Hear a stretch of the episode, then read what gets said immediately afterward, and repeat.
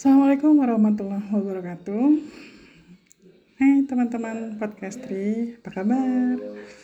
Ada satu bahasan yang mungkin kayaknya sepertinya ini bahasan yang sangat tabu gitu. Ya.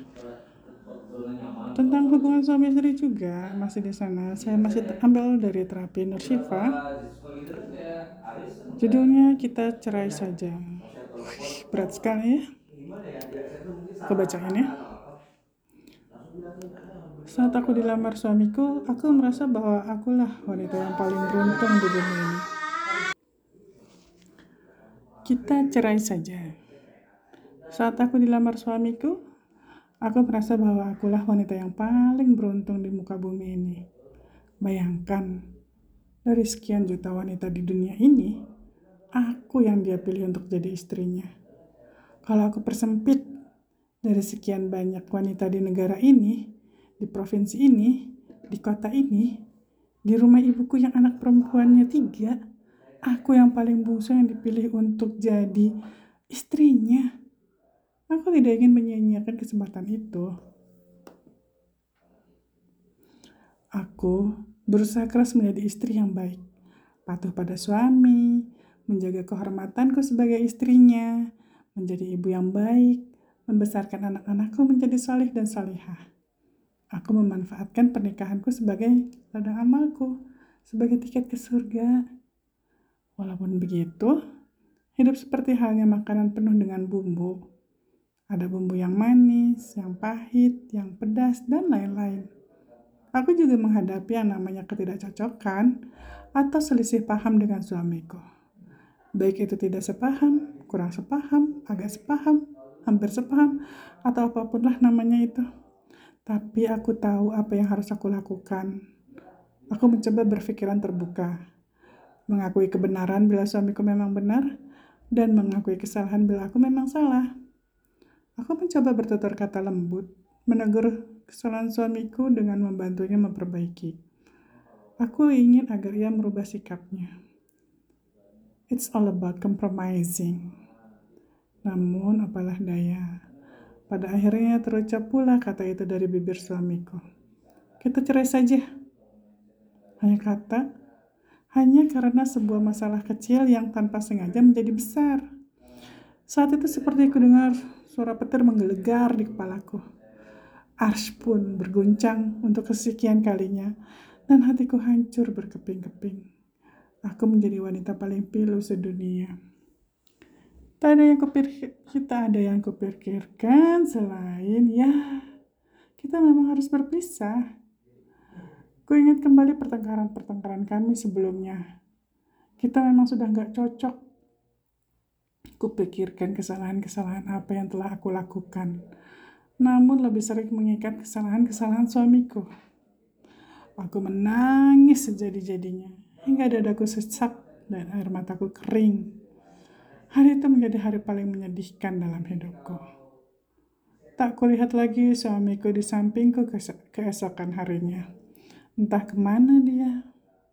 Tanpa aku sadar, layaknya artis yang berakting di sinetron-sinetron, memandangi foto-foto kami dulu dengan berlinang air mata.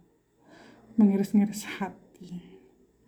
Andai saja ada lagu Goodbye dari El Supra yang mengiringiku, tentu suaminya menjadi Shin yang sempurna.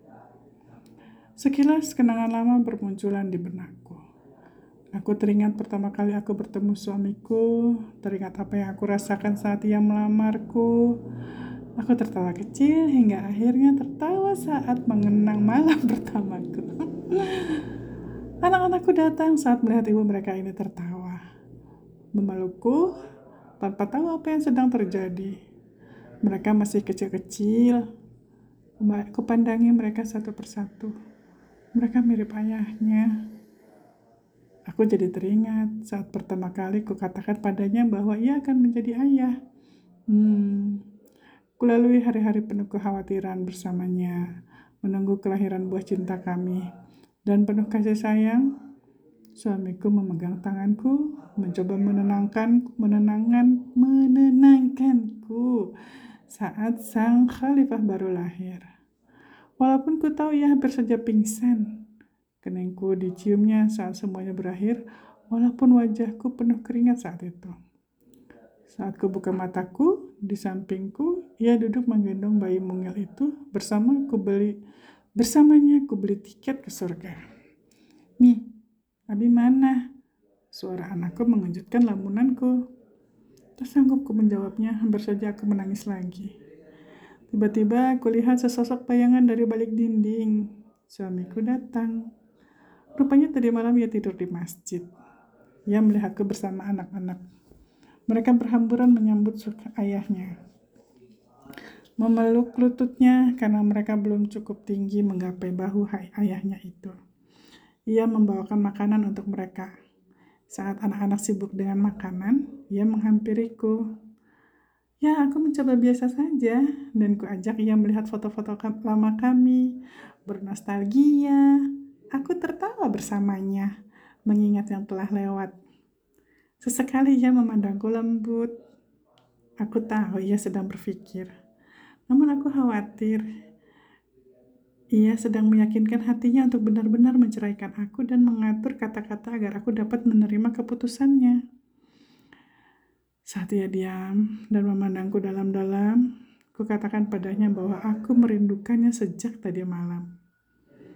Ia tersenyum dan mengatakan bahwa ia pun merasakan hal yang sama. Hmm, hatiku lega. Ku tutup album foto itu dan ku katakan padanya bahwa selain dari semua kekuranganku, tentu ada kelebihanku.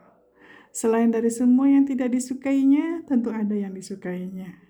Selain dari semua ketidakcocokan kita, tentu pasti ada bagian yang cocok. Bila tidak, apa alasan abang mau menikahi Dinda dulu? Dan bagaimana mungkin kita bisa bertahan selama ini? Ia mencium keningku, kurasakan air mata mengalir hangat di pipiku. Tapi bukan air mataku. Allah memang hanya menciptakan Dinda buat abang. Maafin abang ya. Kuusap air mata dari pipinya dan ia membaringkan kepalanya di pangkuanku. Maafin Dinda juga ya bang. Entah apa yang membuatnya berubah pikiran. Aku tak ingin menanyakannya. Gak perlu juga ditanya. Hanya yang berada di samping sisiku pagi ini adalah aku tahu rasa yang aku tahu jawabannya. Pernikahan itu bisa berumur panjang bila ada usaha untuk memanjangkannya dan bisa berumur pendek bila tidak ada yang mau berpikir panjang. Untuk pangeranku, aku ingin beranjak tua bersamamu atas izin Allah. Ih, masya Allah nih tulisannya.